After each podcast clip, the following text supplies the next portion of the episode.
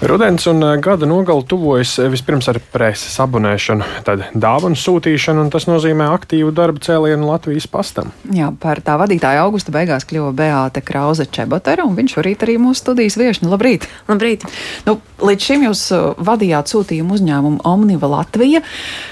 Kāpēc nolēmāt no privātā sektora, nu, kurš šķiet viss tomēr ir mazliet skaidrāk un saprotamāk, pāriet valsts darbā?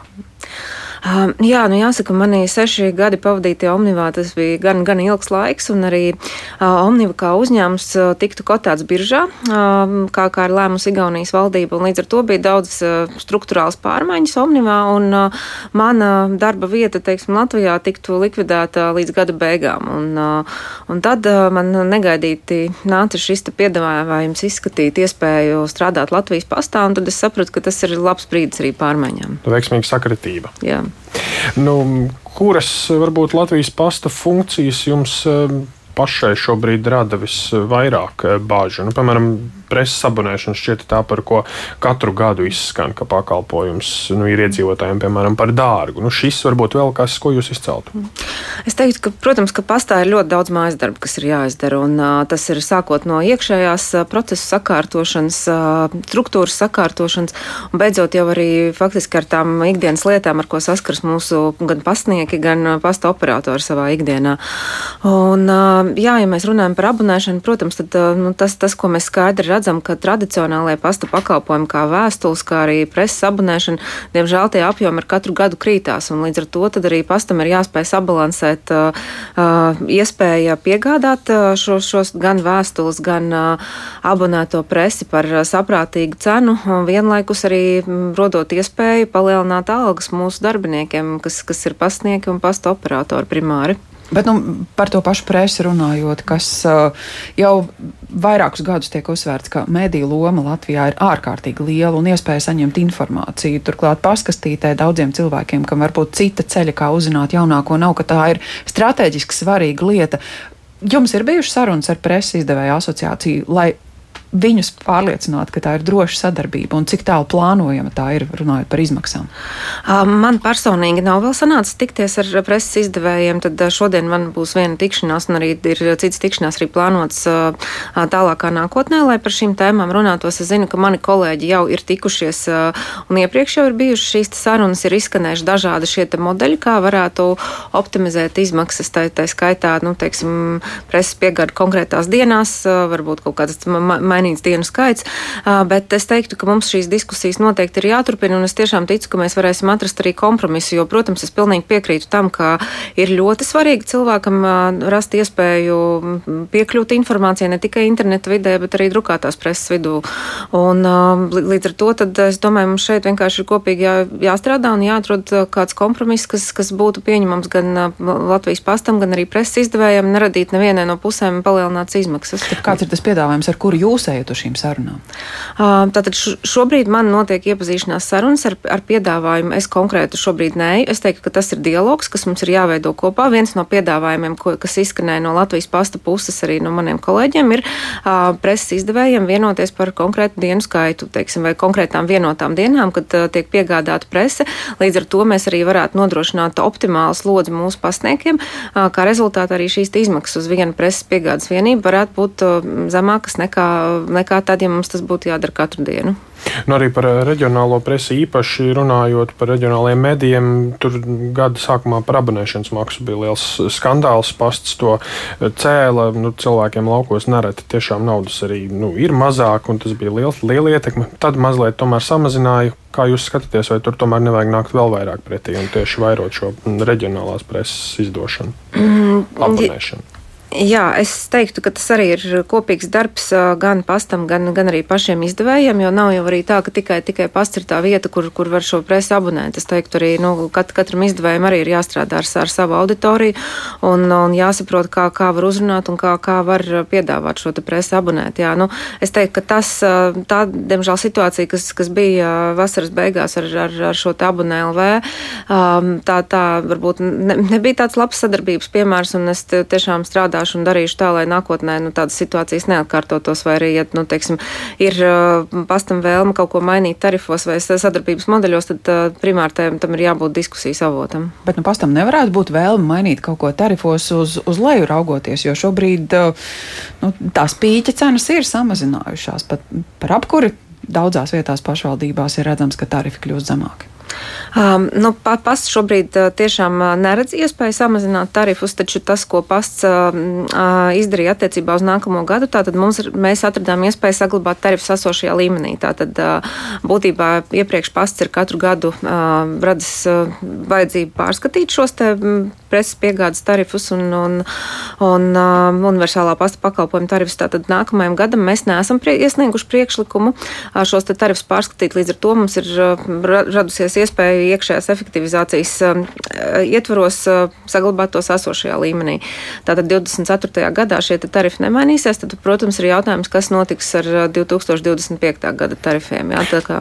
nu jā, nu tarifus nevar samazināt, ja, ja, ja trūkst varbūt naudas. Um, esat vaicājuši arī varbūt plašāku valsts atbalstu, tomēr mēs atkal atgriežamies pie, pie medijiem, pie valsts drošības un tās nozīmes, kāda ir arī pastam, varbūt ir jāsaka, nu, piedodiet, valsts, mēs esam ļoti svarīgi, nāciet mums palīdzīgā. Nu, tad tam ir jānāk kopīgi no, gan no Latvijas pasta puses, gan no mēdīju puses. Es teiktu, ka šeit ir nu, ļoti daudz iesaistītās puses, gan, gan dažādas ministrijas, gan, gan Latvijas pasta. Būtībā jau Latvijas pasta ir tas, kas tikai izpilda vienu funkciju, ja, kas, kas piegādā šo, šos preses izdevumus klientu paskastītē. Un, tad, manuprāt, ja mēs lūkojamies tajā virzienā, ka būtu jāprasa lielāks valsts atbalsts, tad tam ir jānāk ne no Latvijas pasta puses, bet tam ir jānāk kopīgi gan no, gan no izdevējiem, gan no Latvijas pasta, jo šeit mēs jau esam tikai tāda maza daļa tajā visā ķēdītē, teiksim, un uh, tieši tāpat arī, nu, arī ir, uh, nu, druks pakalpojums sniedzēja, kas arī ir daļa tajā ķēdītē, jā, kas arī sniedz, sniedz šo pakalpojumu drukā preses izdevums.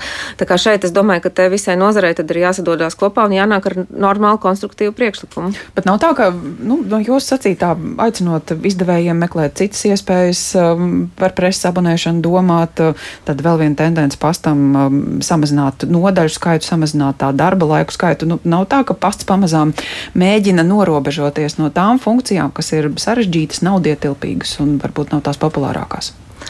Um, šeit uh, es vēlētos uzsvērt to, ka uh, Latvijas pasts, uh, jā, mēs, mēs samazinām nodaļu skaitu, bet tas vienlaikus ir arī modeļa maiņa, jo mēs ļoti strikti izvērtējam, kuras, kuras nodaļas, uh, teiksim, sevi atpelna un kuras nodaļas ir savukārt tādas, kuras mēs varam aizstāt šo apkalpošanas modeli ar to, ka pasniegs atbrauc pie klientu uz mājām. Un tas ir tas, ko es vēlreiz vēlētos uzsvērt, ka, ja, ir kāda nodaļa, kas, kas tiek aizvērta, uh, tad tur ir uh, ļoti pamatota finansiāli aprēķini, kā, kāpēc tā ir. Un klientu aktivitāte, diemžēl, bet viņa nodaļās krītās.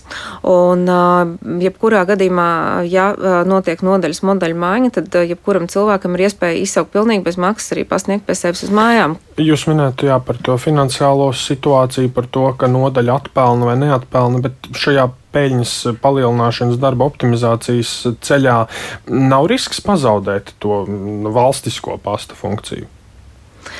Jautājums tad ir, protams, par, par valstisko pasta funkciju. Ja pasta nodaļā mēnesī atnāk desmit klienti, kas izmanto šo valstisko pasta funkciju, tad vai valsts ir gatava, teiksim, subsidēt šiem desmit klientiem Jābalansē, mēnesī? Jā. Jā. Bet nu, mēs redzam, ka Latvijas pasta peļņa tiek prognozēta 2 miljoni. Mēs redzam, ka Latvijas pasta pamazām grasās šķiet kļūt arī par banku pildīt arī finanšu pakalpojumus, nu, tad varbūt Latvijas pastām ir skatījums, kā tomēr nepazaudēt tās nodaļas, kā izbalansēt tur, kur var nopelnīt, tur pelnot, un tur, kur ir neliela zaudējuma pieciešot un kompensējot to.